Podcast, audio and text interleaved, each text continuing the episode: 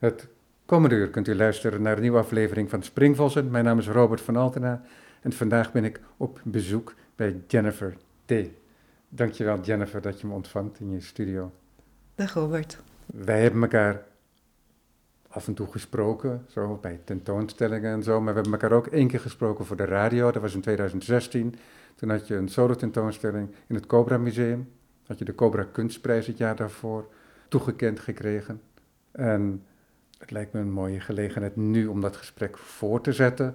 En wel naar aanleiding van je solo tentoonstelling bij Kunstinstituut Melly. Waar je tentoonstelling Still Shifting, Motherfield te zien is. En dat is nog te zien tot en met 21 mei. Het is een mooie langlopende tentoonstelling. En ik zeg ook al op voorhand al, het is een tentoonstelling waarin werken van jou zijn te zien, maar het is ook zo dat er performances zijn. Die performances die heb jij gemaakt in samenwerking met Miri Lee. Misschien is dat niet de juiste term die ik daarvoor gebruik, maar dat moet je zo meteen maar eventjes toelichten. En die vinden plaats op vrijdagen en zondagen. De precieze data, want het is niet elke week, die kunt u terugvinden op de website en van Melly en van uh, Springvossen Amsterdam FM. Goed. Mooie tentoonstelling, Jennifer, alvast, moet gezegd. Ja, en op weg hierheen, want je hebt een uh, studio in de Bijlmer, stapte ik op bij het Centraal Station en dan loop ik al langs een uh, werk van jou, of een paar werken die waarschijnlijk één geheel vormen. Heeft dat een titel, dat werk? Want dat, ik liep er vrij snel langs, dus ik ben niet stil blijven staan om dat te bekijken of er nog iets staat omschreven over het werk. Dat werk, uh, voor de Noord-Zuidlijn gemaakte werk in uh, de metrostation, heet uh, Tulpenpalenpaai. En reizen over de rivieren van de wereld. Kijk, mooi werk. En een enorm formaat. Is dat ongeveer de grootste uitvoering van jouw tulpenwerken? Ja, en dat is ook het begin geweest van het onderzoek. Oh, werken, van die tulpenwerken. Ja, ja. Ja, ja, want wanneer begon dat dan, dat onderzoek? Nou, ik ben um, dus de Noord-Zuidlijn. Um, heeft eigenlijk voor elk station een kunstwerk ontwikkeld. En dat is begonnen met een uh, pitch, waarin dan drie kunstenaars gevraagd worden. Dat is vaak bij opdrachten dat er een aantal kunstenaars worden gevraagd om een schetsontwerp in te leveren. En um, mijn voorstel was dit werk wat daar is te zien. Uh, dus ik wilde dus een werk maken gemaakt van gedroogde tulpenblaadjes, gebaseerd op Indonesische textielen uit Zuid-Sumatra, uh, die ook wel schependoeken worden uh, be benoemd. En um, dat was in 2012 en toen heb ik daar een schetsopdracht van ont ontwikkeld in 2013. En vervolgens heb ik dat werk ja, daar ben ik jaren mee bezig geweest, want er is heel veel uh, voorstudie aan vooraf gegaan. Uh, zoals bijvoorbeeld heel veel tulpenkwekers benaderen en bedenken hoe ik daar het beste soort van die, die productie op gang zou kunnen brengen om een collectie van tulpenbladeren te kunnen aanleggen om deze collages te kunnen maken. En ja, dus dat project of dat die interesse uh, voor beide deze onderdelen, die textielen en ook die tulpen, die is ontstaan vanuit die opdracht. Ja, mooi. En weet je nog wanneer je voor het eerst het idee kreeg om tulpenbladen te gebruiken? Dat, dat weet ik nog heel goed, want uh, dat jaar waarin ik dus gevraagd werd voor die uh, schetsopdracht, toen woonde ik eigenlijk in New York. Uh, ik was daar op een residentie. Nederland heeft een uh, residentie daar van een jaar uh, bij ISCP. Ehm, en daar mocht ik voor een jaar naartoe. En rond oktober werd ik toen gevraagd voor die opdracht. En die opdracht was geformuleerd um, Centraal Station te zien als een soort van poort naar Amsterdam. En om twee elementen samen te brengen: de wereld en het lokale, of Amsterdam en zijn omgeving, uh, of haar omgeving. En ja, toen heb ik gedacht van, ja, wat vind ik nou... Op een gegeven moment zat ik te denken, wat vind ik nou heel erg Nederlands? En vooral ook vanaf een afstand, want ik was dus dat jaar in New York. En toen moest ik denken aan de tulpenvelden. En ook hoe de tulpenvelden er eigenlijk ook uit kunnen zien als, als bijna een soort lappendeken, een, een textiel. En ook een, een product of een bloem die soort van iconisch is bijna voor Nederland.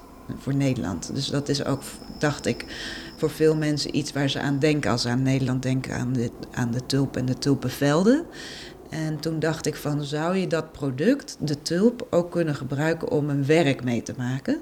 Dus kan je die tulp bijvoorbeeld drogen, die blaadjes drogen?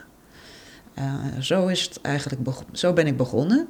Dus ik ben eigenlijk gaan denken over hoe, hoe zou uh, het blaadje eruit zien als een gedroogd product. En dat verwijst ook naar andere werken die ik heb gemaakt, waarin eigenlijk het materiaal van het werk ook al iets zegt over zijn oorsprong en misschien culturele betekenis. Um, zoals eerder heb ik ook gewerkt met bijvoorbeeld bamboe of bepaalde kleisoorten uit bepaalde regio's. En toen ben ik dus uh, begonnen met dat uh, drogen van die tulpenblaadjes. Maar ik zat ook te denken, maar wat voor een soort afbeelding wilde ik ervan maken? Want in uh, de tulpenvelden op zich, dat had ik als in eerste instantie in mijn hoofd, is heel abstract eigenlijk. Maar ik wilde juist meer ook richting een afbeelding werken, of een, een, een, voorstelling eigenlijk. En een ander element wat ik heel graag wilde, is dat je het van veraf kon absorberen als een afbeelding, als een, een voorstelling. Maar voor als je dichterbij zou komen bij het kunstwerk, dat je dan zou denken: hé, hey, wat is dit eigenlijk? Waar, waar zit ik nou naar te kijken? En dan als je inzoomt, dat je denkt: van hé, hey, dit zijn eigenlijk allemaal bloemblaadjes, ofwel tulpenblaadjes. En zo kwam ik uiteindelijk, ik ging een onderzoek doen naar ceremoniële textielen. En zo kwam ik op textielen uit uh, Zuid-Sumatra, die schependoeken uh, worden genoemd. En op die doeken zijn heel vaak schepen afgebeeld. En op die schepen zie je mensfiguren en dieren en vaak ook een mast. Wat eventueel ook wel weer, die mast kan ook een tree of life zijn of een levensboom. En ik vond eigenlijk die, die gewoven kleden zo mooi, eigenlijk in hun afbeelding, maar ook in hun uh, spirituele betekenis. Die reis die wordt omschreven van het hier naar een ander leven. En eigenlijk de, ook de reis of het onderweg zijn als metafoor voor het, en het mensenleven, maar ook het leven misschien van de ziel. Uh, dus ja, wat, wat, een... en dat zijn verhalen die over de hele wereld terugkomen. En dat vond ik dus het andere wat daar heel mooi aan was. Van die kleden uh, resoneerde bij mij, het onderwerp. En het was misschien heel specifiek voor die lokale bevolking. Maar het is tegelijkertijd ook een onderwerp wat je natuurlijk in heel veel culturen uh, ziet. Uh, als je denkt bijvoorbeeld in de Egyptische cultuur heb je natuurlijk ook het schip en het oversteken van. Um, hoe heet die rivier? De, de Nijl. De Nijl, nee, maar de, de, hoe heet die? Ja, die hoe, hoe, die, hoe die voor de Egyptenaren heette, weet ik niet. Nee, dat is maar, nu even ook ontgaan. Maar ja, je hebt natuurlijk... Uh, je, je hebt er verschillende benamingen voor. Je hebt de Styx natuurlijk, bij de, bij de Grieken.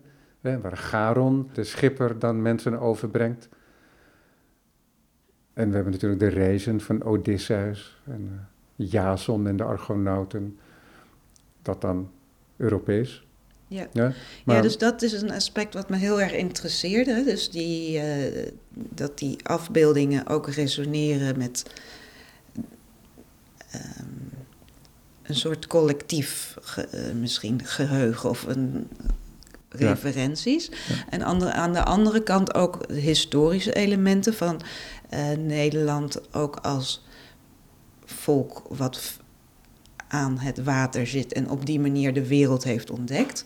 Maar natuurlijk ook een koloniaal verleden heeft, wat zich heel erg vanaf de wateren heeft afgespeeld en vanuit waar de koloniën zijn ontwikkeld. En daar komt dan ook een persoonlijke geschiedenis bij. Dat mijn uh, vader in Indonesië is geboren en met zijn ouders naar Nederland is geëmigreerd in de jaren 50. En dus dat ook dat element van het reizen per schip en een ander leven ingaan. Ehm, die migratie, dat was ook een persoonlijke motivatie Ja. eh, in die werken. En daarnaast was er ook een aspect van eh, mijn opa, van mijn moederskant dan, die was bolleboer. En, Ach. ehm, want soms vragen mensen hoe kwam je nou eigenlijk op die tulpen. Maar dus eigenlijk die, die kleine autobiografische elementen spelen ook vaak een rol in, in de motivaties. Ja. eh, Ja, en dat- je, En, en des te meer, oh sorry dat ik je onderbreek, maar des te meer eh, omdat je al aangaf aan het begin van je verhaal dat jij materiaal ook al als teken kiest. Mm, En dat het niet alleen maar materie is waarmee je een werk maakt, maar dat je, zoals je aangaf, klei uit een bepaalde streek gebruikt. En ook een tulpenblad is niet alleen maar een neutraal materiaal dat je inzet om zijn fysieke eigenschappen en visuele eigenschappen, maar ook om herkomst en om teken, betekenis, culturele betekenis. ja, precies, ja. En wat ook mooi is natuurlijk, is dat omdat jij die kleden kiest, kleden en de tekeningen die daarvoor worden gebruikt, dat is heel vaak een soort neerslag van ook een hele lange reis al. Omdat er vaak verschillende culturen samenkomen in kleden. Dus bepaalde patronen en motieven die reizen over de wereld. En dat is niet alleen sinds koloniale tijden, maar ook daarvoor al. Mhm, mhm. Zeker, ja. Dat was ook deels waarom ik die kleden zo bijzonder vond. Omdat eigenlijk dat gebied, eh, Zuid-Sumatra, dat stond heel erg in contact met eh, Zuidoost-Azië, maar ook met de Arabische wereld. En weven in het algemeen eh, heeft een bepaalde taal van horizontale en verticale lijnen. Dus het is sowieso een beeldtaal die, die je ook weer ook op andere plekken kan zien. Maar die specifieke plek vond ik ook heel interessant, omdat het een. Dat gebied was heel rijk geworden door de peperhandel. En daardoor stond dat gebied ook heel erg in contact met zijn omgeving. En vervolgens kwamen er ook allerlei soort van neerslag in die doeken eh, van referenties naar die omgeving. Ja. ja. Is dat, kan jij dat lezen Ik kan dat niet heel in die traditionele... precies kleden? lezen. Ehm, nee, omdat ik dan misschien daardoor ook, of dat ik ook weer niet genoeg kennis heb van eh, die, die vormen van, ehm, ik weet niet of je het dan kunst maken noemt of ambacht maken van die, bijvoorbeeld die textielen of doeken. Of, maar je ziet wel in andere omgevingen, bijvoorbeeld Vietnam, of, waar ook elementen van deze soort van eh, afbeeldingen ook te vinden zijn. Ehm, of bijvoorbeeld in Arabische cultuur, waar bepaalde haakvormen die je ook ziet in deze textielen, die, die je daar ook in kan vinden. Maar je kan het niet heel direct zeggen, oh dit komt daar vandaan, dit komt daar vandaan, omdat het weer ook weer allemaal is Ja. vertaald in Ja. die.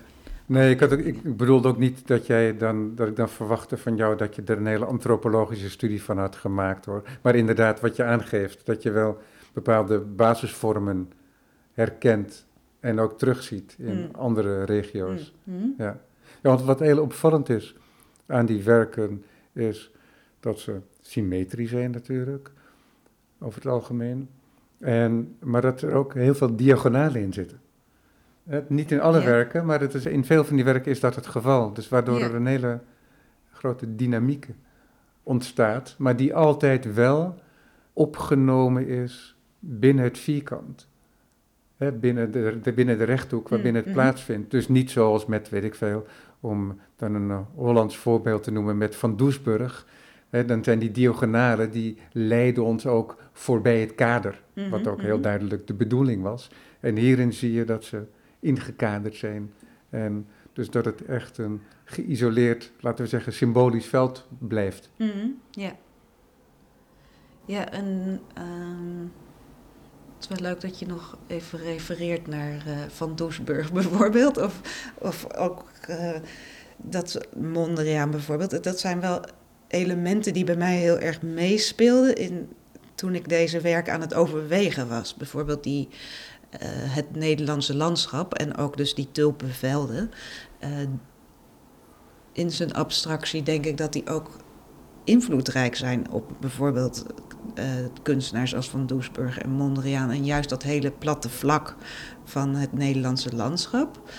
En dat was wel ook een van mijn interesses in eerste instantie, ook in dit, in, in dit materiaal, in dat de tulpenbladeren.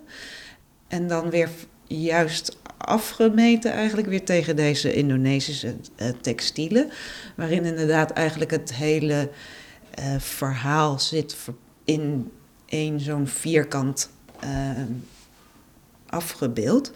Maar wat mij heel erg aantrok aan deze doeken is eigenlijk dat er een soort van hoofdmotief is. Bijvoorbeeld dat schip. Maar ook in uh, visueel is er een soort van hoofdmotief of een hoofdlijn. Maar daarbinnen, als je dus dan dichterbij komt, is er een soort van horror van enorm veel kleine details. Die weer uh, zijn verwerkt in die uh, weefgedeeltes. Van hele kleine figuren, van bijvoorbeeld uh, vissen of, of, of, vogels. En dus eigenlijk sprak me heel erg aan dat het aan, aan de ene kant een hele geometrische taal is. En aan de andere kant een hele gedetailleerde visuele taal. Ook van. Uh, in figuratie, ja, en, in en afbeelding. en afbeelding, ja. ja. Ja, want wat heel opvallend is, is überhaupt al. En we zien het wel eens op tafel in een vaas, maar in je werk komt dat nog sterker terug, is hoe mooi getekend sommige van die bladeren zijn. En dat gebruik jij in hè, op schilderkunstige manier, omdat het, ze tot de banen en stroken en lijnen worden samengesteld uit die tulpenbladeren.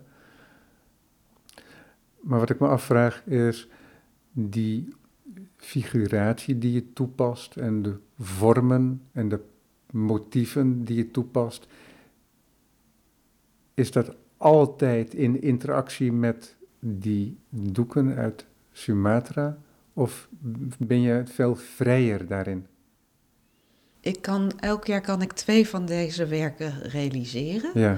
Omdat ik werk dan in het tulpenseizoen. Dus ik ga die tulpen uh, plukken.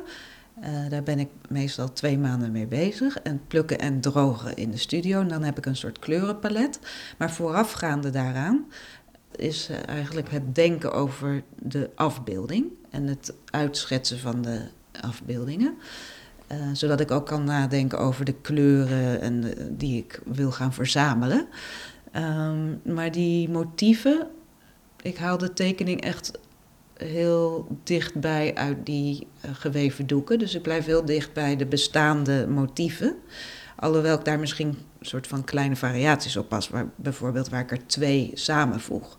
Of een aantal elementen uit meerdere ja. van deze kleden uh, samenvoeg. Maar zo gaat het daar natuurlijk ook. En ook in, ja, die, in die, en ook, ook in, ja. en ook in de uitwisseling daarvan. Ja, ja want Dat, dat weven speelde zich af in verschillende dorpen. En natuurlijk is er ook een soort van vervolg. Want het heeft zich afgespeeld mee, misschien over een lange periode, het maken van deze kleden.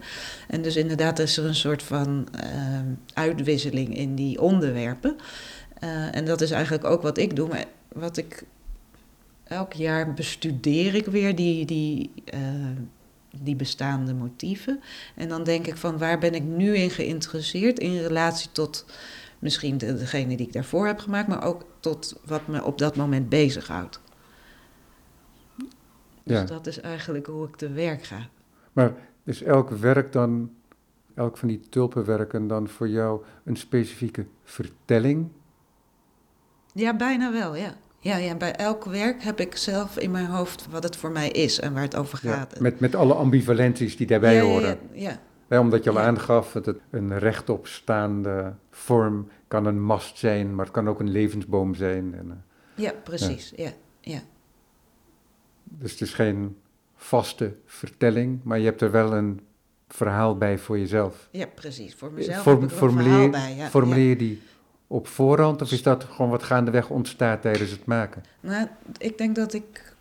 Mm, ik ben heel visueel ingesteld. Het voor mij die ontstaan echt door het bestuderen. Dus dat, meestal ben ik daar ook dan al lang mee bezig.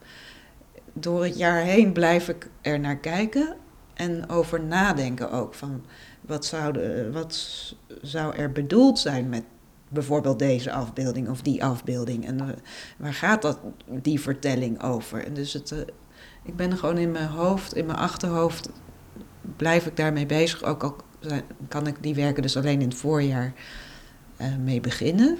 Maar door het jaar heen denk ik na over die volgende twee. Het is natuurlijk ook maar heel beperkt dat, je er, dat ik er maar twee kan maken. Ja. Dus het is ja. ook. Je, Ja, in een hele korte plukperiode en uh, je Ja, wordt geleid de door, de, door de natuur. Ja, dus het is ook nadenken over die hele serie en wat ik eraan wil toevoegen en wat mijn volgende. eh, Misschien ook wel prettig, toch? Dat je niet het hele jaar door die werken zomaar kunt ja, nee, ik vind het reproduceren. heel, heel mooi dat dat een plek heeft gekregen in mijn eh, kunstenaarschap. Ja. En dus ook in hoe ik mijn tijd Ja. indeel. Ja, want in theorie zou het wel kunnen natuurlijk, want dan scan je gewoon een enorme massa bladeren in die jij in hebt opgeplakt en dan zou je het in de computer zou je dat kunnen doen, maar dat is niet hoe jij werkt. Jij werkt heel specifiek met die bladeren, die leg je in als het ware in een tekening die, Ja, jij, hebt, eh, ja. die jij hebt gemaakt. Die worden ingescand, als ik het goed begrepen heb. Ja, dus eh, e- eerst is er een tekening en die eh, leg ik inderdaad helemaal in met de tulpenblaadjes en het kleurenpalet waar ik eh, mee bezig ben.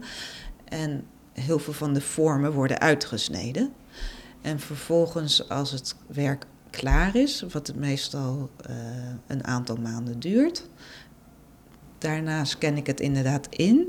Ook om eigenlijk dat- moment te vangen waarop het gerealiseerd is en af is. Omdat het tulpenblad is ook vergankelijk. Dus het vergaat ook over tijd. Of in elk geval die kleurintentie vergaat over tijd. Ehm, dus het werk scan ik in. En vervolgens dat wat ik toon in tentoonstellingen is daar de afbeelding van. Een piezografie, een afdruk. Ja. En het origineel, dat zie ik als het archief. Wat ook gezien kan worden als die eventueel die bij elkaar kunnen horen. Maar blijft daar wat van over, van die kleur? Ja, die vervaging gaat snel en niet snel. Dat ligt heel erg aan welke kleuren dat zijn. Ja, ja. En of, je het, of het geëxposeerd is Ja, aan of licht in het of niet. licht eh, hangt of Ja. niet. Ja. Dus je kunt er nog wel iets van overhouden. Het is niet per definitie zo dat alles heel snel vergaat. Nee, nee, de afbeelding blijft en het is eigenlijk alleen de kleur die achteruit loopt. Ja, ja, precies. ja. Je hebt nu in deze tentoonstelling Still Shifting, Motherfield, heb je meerdere werken bij elkaar gebracht. Je hebt wat, je, je kristalfiguren noem je dat. Hè? dat. Volgens mij had je daar ook al werk van in het Cobra Museum. Toen waren ze veel geconcentreerder. En nu hele grote vormen. Kleden heb je het Eh, Die over. die kleden Ja, die op ja, de grond liggen met ehm, een soort keramische vormen, beetje biomorf. En die hebben eigenlijk een eigen taal weer. Die staan niet in directe relatie met de tulpenwerken, maar wel in een soort houding en een soort benadering. En die benadering, dat is, zou je kunnen zeggen, dat je dan eigenlijk vrij veel afstand neemt van eh, mens en het gedoe van de mens en maatschappij, hè, waar die kleden nog veel dichter op zitten. Maar dat je dan kijkt naar wereld en naar natuur en aarde, maar eigenlijk op een soort abstracte manier, een abstracte manier die jij concretiseert, omdat het zulke specifieke fysieke werken worden. Mhm. Ja, dus eigenlijk ehm, wat jij nu probeert te omschrijven in mijn tentoonstelling in Kunstinstituut Melli in Rotterdam, ehm, zijn dus inderdaad die hele serie tulpencollages te zien. Dus dat was eigenlijk mijn droom om die hele serie, want ik kon er dus elk jaar twee maken, maar ik had altijd in mijn hoofd het is een serie. Dus ik wilde dat ook op een gegeven moment, toen dat ook een beetje volume begon te krijgen, dat kunnen tonen als geheel. Dat zijn er nu twaalf. En daarnaast want eigenlijk oorspronkelijk is mijn werk juist ook heel ruimtelijk en heel fysiek. Ehm, is het gewoon een tentoonstelling met een, een, installatie. En dat bestaat uit uh, een heel aantal werken. Waaronder deze kleden die jij omschrijft. En deze kleden die liggen op de vloer. En die zijn gebreid, handgebreid. En die zijn um, in hun vormen zijn ze gebaseerd op, uh, ik noem het kristallijne vormen. Of kristalvormen die mm, zich vinden tussen vloeibaar en een vaste vorm. En uh, voor mij zijn die kleden zijn eigenlijk ruimtes geworden in de tentoonstelling. Niet alleen hier, maar ook voorheen, want het is, dat is ook weer een serie werken waar ik al langere tijd aan werk. Um, en in deze serie specifiek uh, en in deze hele tentoonstelling ben ik eigenlijk heel bezig, of dat houdt me nu ook heel erg bezig, is uh, geologische tijd. Dus het nadenken over het ontstaan van de wereld en de ontwikkeling waarin die zich hebben afgespeeld uh, op en in de aarde. En um, het ontstaan van de aarde is terug te brengen tot bijna 5 biljoen jaar geleden. En eigenlijk die aardlagen, dus dat uh, sediment van tijd, dat heb ik ook proberen te verbeelden in die kleden. Dus één kleed die is een beetje blauw-grijsachtig.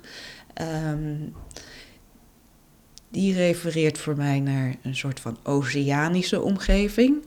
Um, een wateromgeving of daar waar land en water elkaar ontmoeten.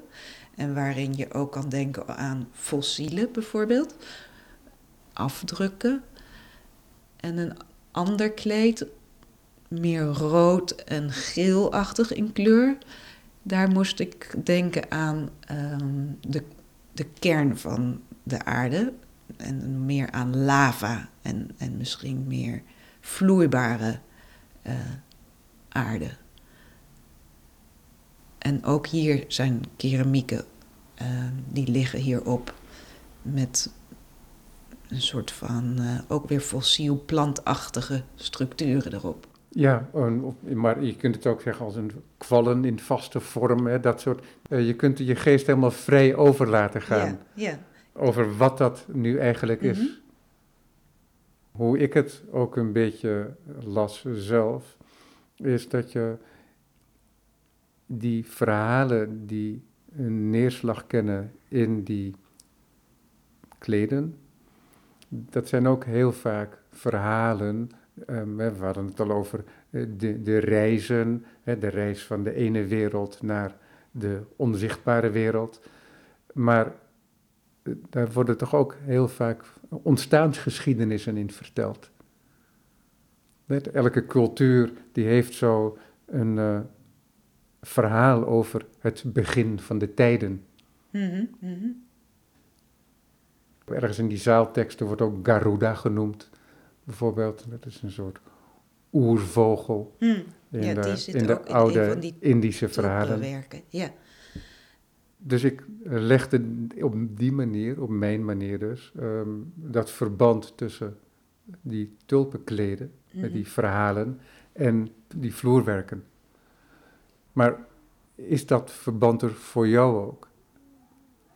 Dat het, zo'n, dat het een vertelling is over vroege tijden, lang voordat de mensen de aarde bewandelden. Hm. Ja, deze, voor mij, deze tentoonstelling gaat voor mij, hè, mijn gedachten toen ik deze werken aan het ontwikkelen wa was, ik was bezig met, dat refereert ook aan de andere werken die in deze tentoonstelling te zien zijn. Uh, ik was bezig met het nadenken over die geologische tijd en dus die een, enorme tijd die al voor ons mensen ligt, van 4,5 biljoen jaar. En die tijd die wij als mens innemen.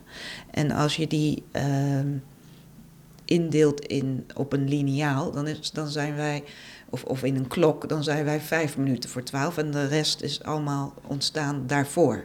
En dus wij zijn eigenlijk maar een, een, een heel dun uh, bestaanselement in deze ontstaansgeschiedenis, maar we hebben een hele dominante positie ingenomen. En um, waardoor we ook heel veel um, op een bepaalde manier misschien niet meer geïntegreerd zijn in die omgeving van natuur. En um, ja, dus mm, waar ik naartoe wilde met de tentoonstelling is eigenlijk het nadenken over wat als wij ons als mens veel meer bewust zouden zijn en onszelf eigenlijk weer terug zouden weven in die, in die tijd. Ja, ja. En ons, uh, um, ik noem het um, de ancestral architecture of ancestral uh, history, of onze, de geschiedenis van, van onze voorouders. voorouders. Niet alleen die van de menselijke voorouders, maar ook die van de dieren en de elementen en de planten.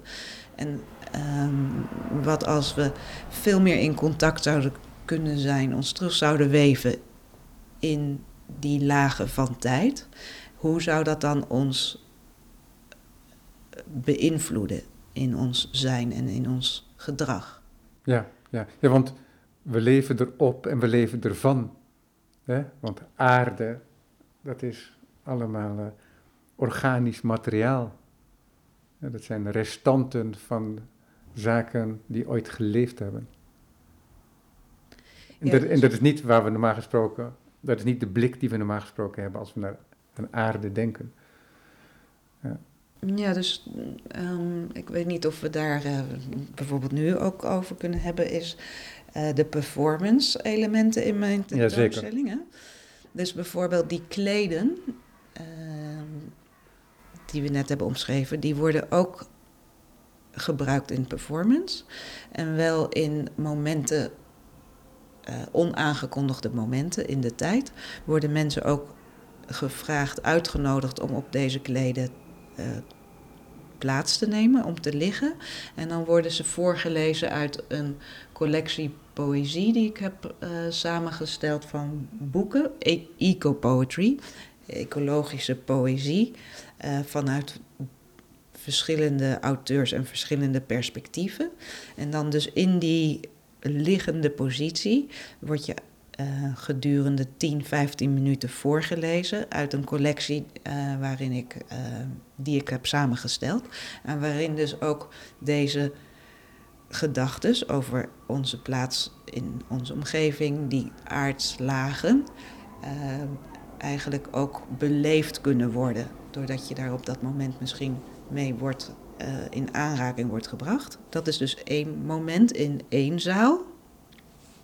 En dan zijn er ook de performances in een andere zaal, die, zoals jij al bij jouw aankondiging aangaf, op de vrijdagen of op de zondagen plaatsvinden. En hier zijn um, ook weer een soort textielen te vinden, een soort netachtige structuren. Ik noem deze werken um, transient shrouds, being less human. En deze kleden die, die liggen op een platform. En voor mij zijn deze kleden een soort van uh, het traceren van het menselijk lichaam, alsof ze er zijn of niet zijn. Dus als er geen performance is, dan, dan zie je eigenlijk het spoor van het menselijk lichaam. Zoals, en dat is wat ik in mijn gedachten had, zoals bijvoorbeeld de slang ook zijn huid kan afwerpen. En dit werk gaat voor mij over, en ook de performance, het nadenken over ons menselijk zijn deels los te gaan laten. Het, is een voorstel, hè? wat als we ons menselijk zijn deels loslaten en ons veel meer zouden verweven weer met onze omgeving. En dat zie je ook in deze kleden die er daarnaast liggen. En ik noem dat de schoudervormen. Alsof het een soort geheel kledingstuk is. En in die schoudervormen zijn ook weer um, plantvormen te zien. Eh, bijvoorbeeld een soort van boomstructuren. Allemaal uitgetekend. Hè? Het is heel moeilijk om te omschrijven. Ja, nee, nee, maar, maar, maar, in, maar, in, een hele duidelijk geschakeerde um, geometrische vorm. Ja, en ja, als je kijkt naar de structuren waarin bijvoorbeeld uh, bomen en planten zijn opgebouwd, dan heb je daarin een hele andere structuur van de bladeren, de, de, de takken, de boom, de, de wortelen.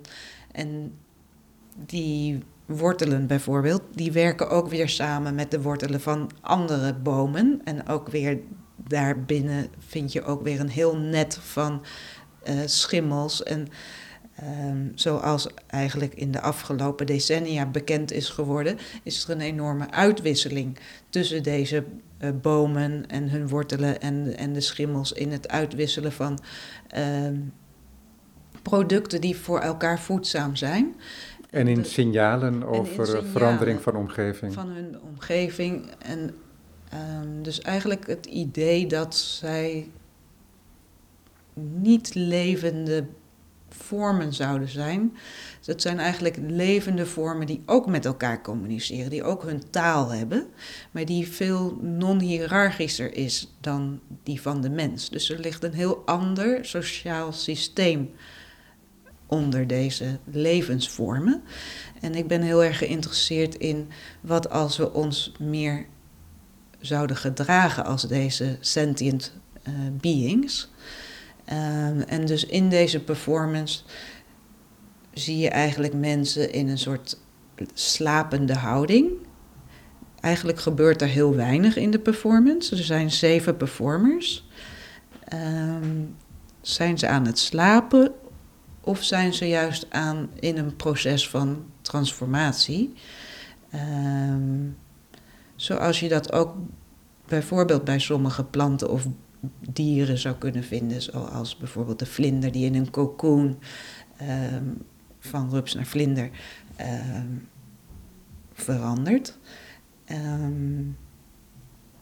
Ja, bijvoorbeeld als we slapen, dan, dat is zeven uur per nacht. Maar stel dat we veertien uur per nacht of per dag zouden slapen, dan, dan dat zou al zoveel uh, ons spoor op de aarde zou in die zin dan al zo veranderen. Dus eigenlijk dat nadenken hè, over hoe, wie zijn we, wat zijn we, hoe, hoe, hoe bewegen we ons, hoe verhouden we ons met onze omgeving. En hoe, in hoeverre zouden wij in staat kunnen zijn om te veranderen, ja, hè, om een ja, ja. metamorfose te ondergaan. Human, hè? Ja. ja.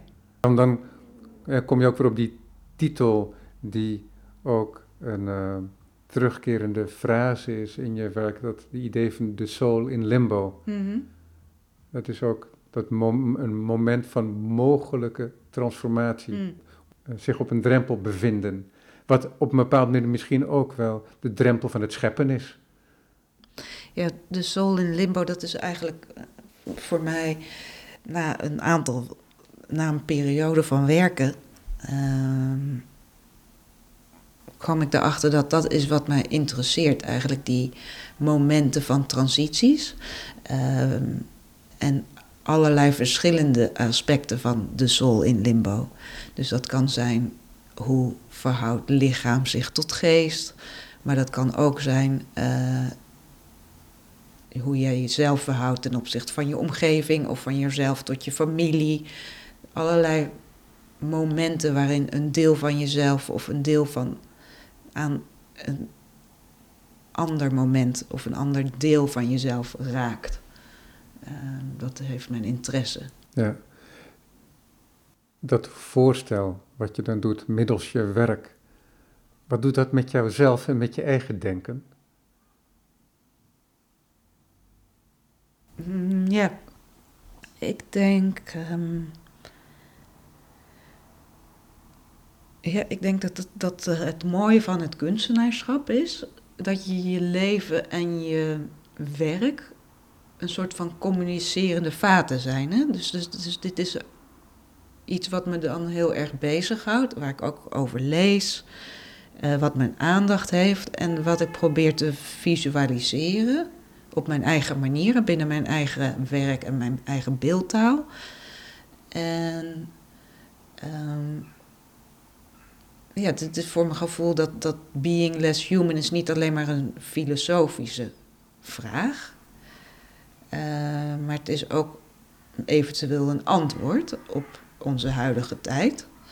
En het neemt misschien ook het maken van kunstwerken en ehm, die ook in aanraking laten brengen met een publiek, heeft misschien ook als functie om het uh, tot nadenken zetten en eventueel ook tot verandering te kunnen brengen.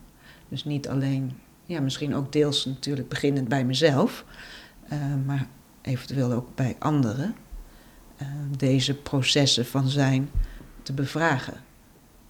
Ja, en dus ook een vergrote bewustwording daarvan, maar waardoor het ook weer meer aanwezig wordt en waardoor dat doorloopt, die gedachte. Hmm. Ook in je eigen leven, wil ik maar zeggen. want wat je over jouw werk zou kunnen zeggen, kijk, als ik vanochtend bij het Centraal Station die roltrap naar beneden neem, die helling is het eigenlijk, het is geen trap, en dan kom ik in die hal en dan zie ik dat werk, dan zie ik dat natuurlijk niet, want dan zie ik een kunstwerk.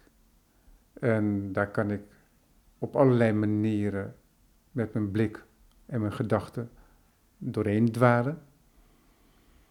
Maar als ik nu zo met jou spreek, en dat is niet iets wat ik natuurlijk kan zien van buiten, is dat bij jou, wat je zojuist aangaf, dat leven en het werk in elkaar overlopen.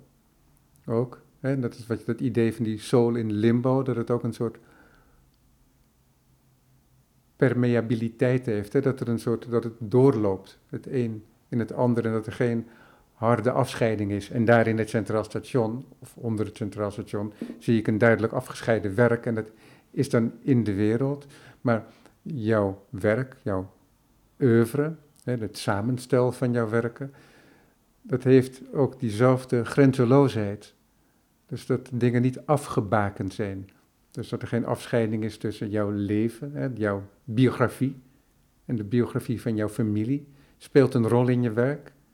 Maar dat is niet waar het over gaat of alleen maar over gaat. Het wordt ook vehikel om grotere dingen te zeggen over überhaupt relaties van culturen, maar ook over ongetwijfeld politiek en onderdrukking en uitbuiting. Dus de menselijke strijd zit erin. En tegelijkertijd ook de liefde van de mens. Heel eenvoudig ook de liefde voor het materiaal van het tulpenblad. En dat loopt allemaal in elkaar over in jouw werk. En dat zie ik niet zo vaak, moet ik eerlijk zeggen. Dat dat zo, zo'n soort vanzelfsprekende aanwezigheid heeft, allemaal bij elkaar. En dat is heel mooi om, uh, om op te merken, moet ik eerlijk zeggen. Ik weet nog dat toen ik net begon, uh, noemde en dat was misschien ook voor een of andere prijs, maar iemand daar uit die jury noemde toen holistische soep. um, maar inderdaad, er zijn een, heleboel dingen die mij eh, bezighouden, inspireren. En, en um, die ik ook op allerlei manieren vertaal in mijn werk. Uh, en, en, mijn werk kan inderdaad veel, veelvormig zijn. Um, maar er is zeker een. Uh, relatie tussen al die werken. Ja, maar is dat iets wat je op voorhand gedacht hebt en dan voordat je antwoord geeft? Kijk, het gevaar is als je zoiets ontwerpt voor jezelf, dat als je alles wil, dan krijg je niks. want een kunstwerk is ook een gedefinieerd iets. Maar dat is zeker niet het geval. En daarom zou ik het woord soep ook nooit uh, op jouw werk betrekken. In die zin, ik snap wat de persoon uh, probeerde te zeggen. Want ik denk dat dat een soort gedeelde gedachte is van wat ik net probeerde uit te drukken. Maar of is dat iets wat langzamerhand vorm kreeg in je werk? Dat je de verschillende zaken bij elkaar kon betrekken? Of is dat heel eenvoudig wie jij bent en hoe jij werkt? En leeft. Ja, het is een combinatie, denk ik, van wie ik ben en hoe ik werk en hoe ik leef. Maar het is ook de tijdsgeest, denk ik. Dat als je terugdenkt in. Uh, uh, nou, ik ben misschien 25 jaar bezig. Dat uh, er toen ook een veel modernistischere taal was in de kunst. En eigenlijk, eh, als je kijkt naar het hedendaagse kunstlandschap nu is er misschien ook veel meer interesse in al deze andere kunstvormen, in het kijken naar eh, werken uit ehm, andere omgevingen eh, en je daardoor laten inspireren. Ehm, En het ook meer mee laten spreken. Ja. Want kijk, het uitwisselen van culturen en van cultuurelementen, dat heeft bestaan zolang de mens bestaat. En lang, daar, daar bestaat cultuur uit, uit uitwisseling. ja, En alleen het verschil is denk ik dat dat in het modernisme werd dat binnengehaald en gebruikt. En de, er werd niks met de oorsprong gedaan, Mm. zou je kunnen Mhm, zeggen. mhm. Ik weet niet of zo'n sweeping statement helemaal werkt voor elke kunstenaar, maar over het algemeen zou je dat kunnen zeggen. Dat als er in het Westen iets gebruikt werd uit het Afrikaanse of uit eh Papua Nieuw-Guinea, dan werd dat betrokken op de eigen cultuur. Dat werd binnengehaald, maar er werd niet nagedacht over, niet specifiek over wat je binnenhaalde. ja. En wat voor betekenis dat elders zou kunnen Mhm, hebben mhm. gehad. Ja, ja, en dat is natuurlijk nu heel anders, Ja. die, die dialoog. Ja. ja. Maar ik, nog even terugkomend, ik moet nadenken over ehm, hoe, hoe zich dat in mijn werk dan ontwikkelt. Maar dat, dus die, er zijn zeker ook soort van series waar ik in werk. Dus inderdaad van niet alles kan in één keer worden eh, uitgewerkt of toegepast, wat je net zei. En ik denk dat eh, voor mij het denken in van dat die gedachten kunnen doorstromen over tijd. Hè? Dus dat niet alles gevangen hoeft te worden in één tentoonstelling of moment, maar dat sommige dingen ook verder kunnen lopen. Zoals bijvoorbeeld die tulpen collages, maar ook bijvoorbeeld die kleden en ook de keramieken. Ehm, is ook een vorm waardoor ik zelf ook ehm, die, mezelf die ruimte heb kunnen geven om over bepaalde elementen mee bezig te kunnen blijven. Ehm, en de gedachten die daarbij eh, komen. Ja, en waardoor het ook meer samenkomt. Dat de verschillende werken in die zin ook samenkomen. Ja, precies. Ja. ja, en dan bijvoorbeeld dat, ik denk dat, nu is het dus misschien wel tien jaar dat ik naar die tulpenvelden toe ga. En natuurlijk dat element van dat seizoensgebonden werken, ehm, heeft mijn gedachten ook heel erg beïnvloed. Dus bijvoorbeeld, dat, ik denk dat die interesse in die geologische tijd, die komt ook heel erg doordat ik zo met die seizoenen bezig ben. Dat je merkt van, oh, dat is een cyclus. Dat, dat weet je natuurlijk ook al, maar dat is iets waar je veel meer onderdeel van begint te worden. En die cyclus beïnvloedt dan weer het nadenken over, dat is dus altijd al zo geweest. En hoe ver gaat dat terug? En je wordt ineens, het is net ook als weer een spiraal van, het gaat helemaal terug in de tijd. En ehm, ja, ik denk dat ehm, bij mij is door werken en bestuderen ontstaan eigenlijk weer die nieuwe werken.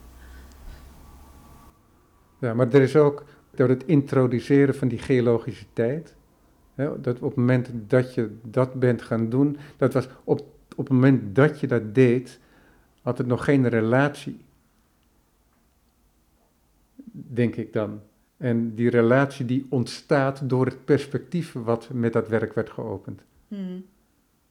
Weet je wat, bijvoorbeeld dit weekend stond er in NRC een interview met een Duitse filosoof, waarvan ik eerlijk gezegd de naam ben vergeten. Maar die Duitse filosoof die deed iets wat ik zelf ook vaak doe, de tijd opbreken. En als je dat doet, dan is een periode van 100 jaar, een periode van 1000 jaar, een periode van 30.000 jaar opeens heel gering. Want hij zei, ja, vanaf de mens, de moderne mens, de homo sapiens zoals we die nu kennen, variabel, maar hij gaf dan 150.000 jaar aan. Er zijn ook mensen die 300.000 jaar aangeven daarvoor. Maar hij zegt, uitgaande van die 150.000 jaar, ja, er zijn een paar duizend moeders die ons scheiden van de eerste mens. Ja, Er is dan opeens helemaal niks meer. nee. Nee, en dat, En, en dat is ook, en op die manier, in dat perspectief, probeerde ik dat geologisch perspectief van jou Mhm, te zetten, dat je in die werken zet. ja. En dat op het moment dat je dat hebt bedacht, dat is een inzicht, maar dat inzicht dat kan zich helemaal meester maken van jou of helemaal doorlekken in überhaupt je hele wezen, maar ook in je werk dus, omdat het een plek heeft gekregen. Mhm, mhm. En dat het niet alleen maar dat werk is op zich, maar dat het een heel perspectief vertegenwoordigt, een soort mogelijkheid. Ja, ik ben ook heel benieuwd, want jij bent volgens mij onlangs naar eh, de tentoonstelling geweest. Ja. En ook wat jouw observaties waren bij de performance. Nu jij deze eh, achtergrond ook eh, van mij hebt meegekregen. Ja, nou, ik moet eerlijk zeggen dat. ehm, kijk, we hebben elkaar natuurlijk al een keer gesproken.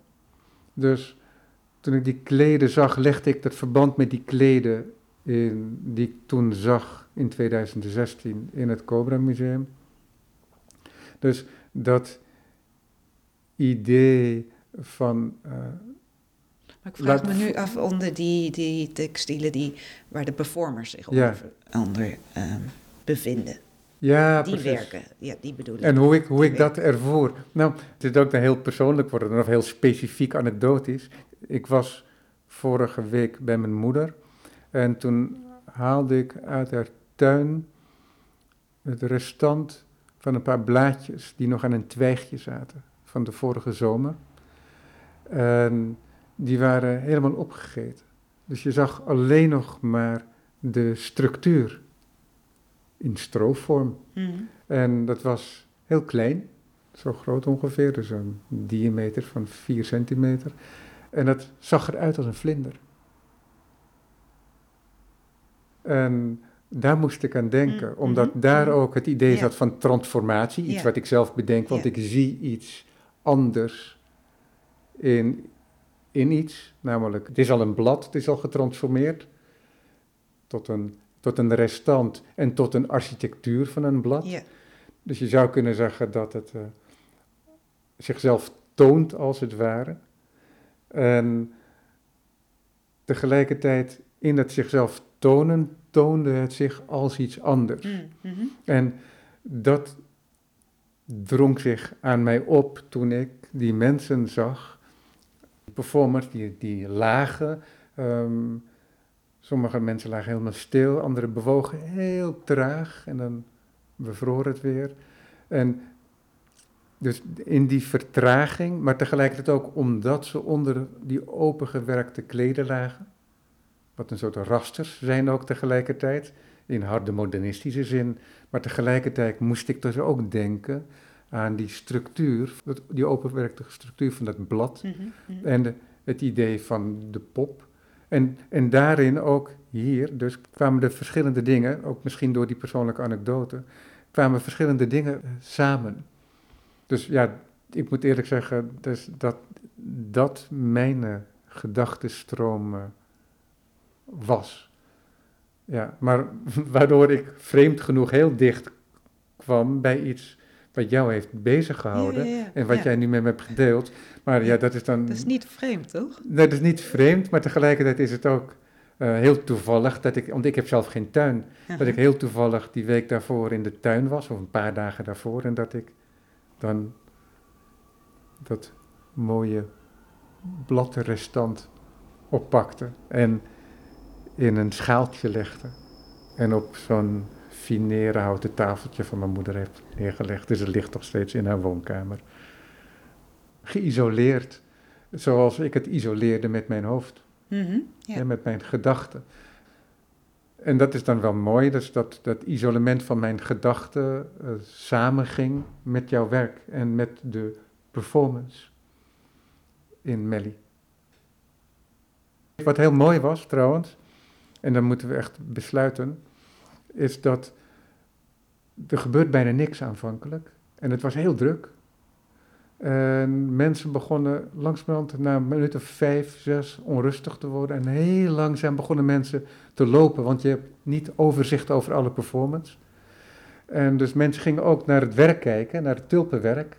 En tegelijk naar de mensen en ook naar de andere performance.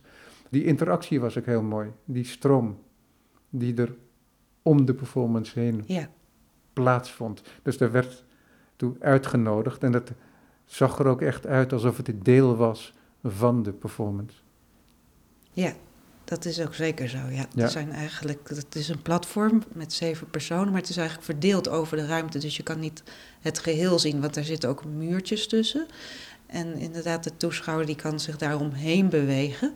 Eigenlijk voor mijn gevoel voelt dat ook als soort van stadia's in het leven.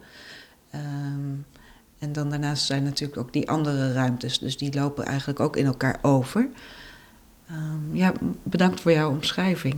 Ehm, Jennifer, we zijn aan het einde van het radiouur ook beland. Ik dank je hartelijk voor dit gesprek. Jouw tentoonstelling Still Shifting Motherfield is tot en met 21 mei dus te zien bij Kunstinstituut Melly. En zoals aan het begin ook gezegd, op de website van Melly en op de website van Amsterdam FM staat ook een link waar de data van die performances op vrijdagen en zondagen terug te vinden is. Dankjewel. Dankjewel.